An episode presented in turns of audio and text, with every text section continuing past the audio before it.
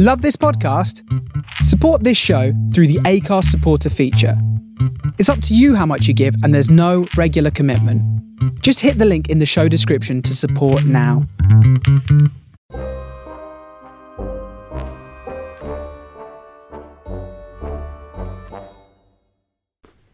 Hallo allemaal en welkom terug bij Reis door de Tijd. Vandaag gaan we het hebben over Studio Ghibli.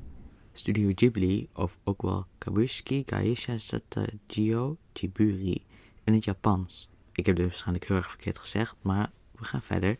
Het is een Japanse filmstudio dat bekend staat voor zijn vele animatiefilms en onder andere My Neighbor Totoro en Kiki's Delivery Service.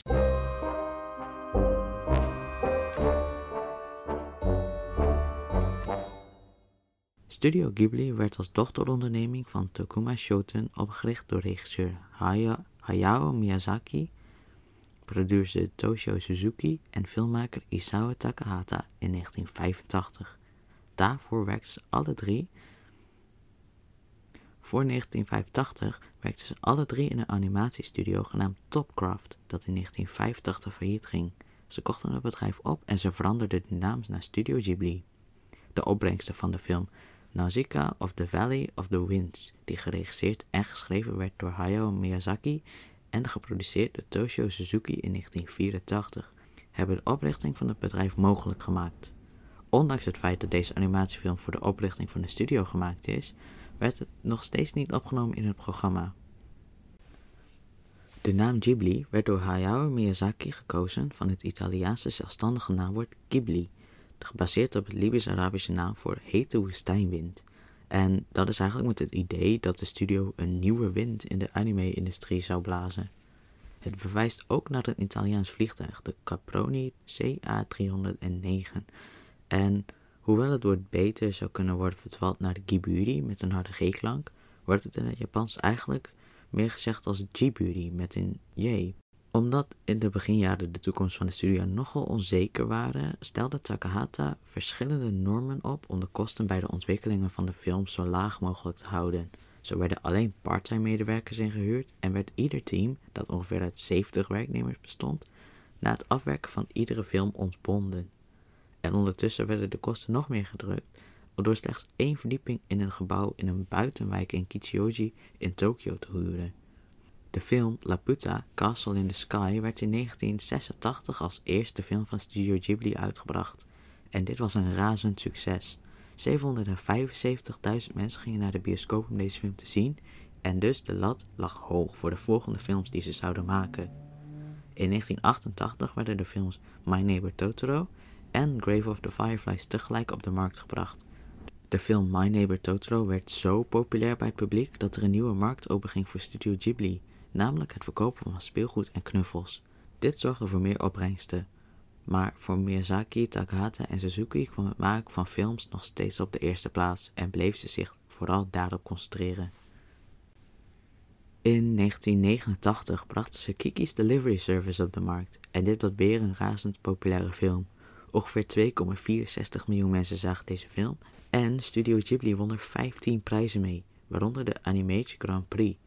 Door een samenwerking met Walt Disney Studios kon de film wereldwijd uitgebracht worden en zo nog een groter publiek bereiken. In 1991 kwam er een nieuw beleid in de studio.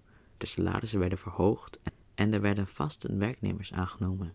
Dankzij het succes van de studio en het nieuwe beleid konden ze zich meer concentreren op het adverteren van hun films en het productiebudget verhogen, waardoor de kwaliteit veel beter werd. In datzelfde jaar kwam de film Porco Rosso uit. Het werd gefinancierd door Japan Airlines, die het wou gebruiken om tijdens korte vluchten te vertonen en om deze reden is de tekst van de intro naar tientallen vertaald. In deze film komt het vliegtuig, waarnaar studio Ghibli vernoemd is, ook voor. Verschillende bedrijven zoals Fox en Time Warner hadden contact met de studio opgenomen over een overeenkomst over de distributierechten van Studio Ghibli films. De studio wou hier alleen mee instemmen als er niets uit de films geknipt zou worden. Alleen Disney wou aan deze eis voldoen en dus waren zij degene die in 1996 de distributierechten van verschillende Studio Ghibli films kregen. Veel critici dachten dat Miyazaki zijn ziel had verkocht aan Walt Disney omdat hij hiervoor al wantrouwen had in zijn producties. Maar Miyazaki antwoordde hierop dat hij onderscheid maakte tussen, de, tussen het produceren van films en de distributie ervan, en dat deze deal ervoor zou zorgen dat de films meer bekendheid in het buitenland zouden verwerven. De belangrijkste film die de studio produceerde in de jaren 90 was zonder twijfel Mononoke Hime. Ook al was er eerder computeranimatie gebruikt bij de film Pompoko uit 1994, Mononoke Hime was de eerste film waarbij het voor meerdere scènes gebruikt werd. Dit is trouwens de enige door Miyazaki geregisseerde film dat geen vliegtuigscène heeft. Toen deze film in 1997 uitkwam, bracht het 10 miljard yen op en het werd de derde populairste animatiefilm in Japan, na Spirited Away en Howl's Moving Castle. Opnieuw was de protagonist van dit verhaal een sterke vrouw en was het centrale thema natuur en de mens, iets wat vaker terugkomt in andere Studio Ghibli films. In 2001 ging het Studio Ghibli Museum open en werd de film Spirited Away uitgebracht. Spirited Away, waarvan meerdere personages op de personen die, Miyazaki kent gebaseerd zijn, lokte meer kijkers dan de Titanic naar de Japanse bioscopen. En het was tegen 2001 door een zesde van de Japanse bevolking bekeken. Japan zelf bracht het 30 miljard yen op en wereldwijd kreeg het ongeveer 30 nominaties en prijzen, waaronder een Oscar voor de beste animatiefilm, een Academy Award en een Golden Bear op het Internationale Filmfestival van Berlijn in 2002.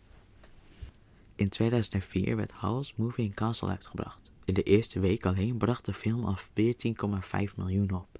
Deze film kwam op de derde plaats van de meest succesvolle film in Japan. De muziek van Studio Ghibli is iconisch en zijn meestal geproduceerd door Joe Hisayashi. In mijn ogen, of nou ja, weer oren, is de muziek uit de Studio Ghibli films de mooiste muziek uit films. Als je nog nooit een Studio Ghibli film hebt gezien, dit is zeker aan te raden. Het zijn prachtige films met een heel mooi verhaal en de animaties zijn altijd heel mooi.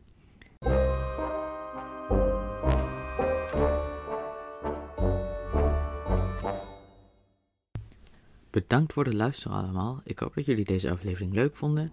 De podcast delen of een review achterlaten mag altijd. En op Instagram ben ik te vinden als tijd 1. En tot volgende week.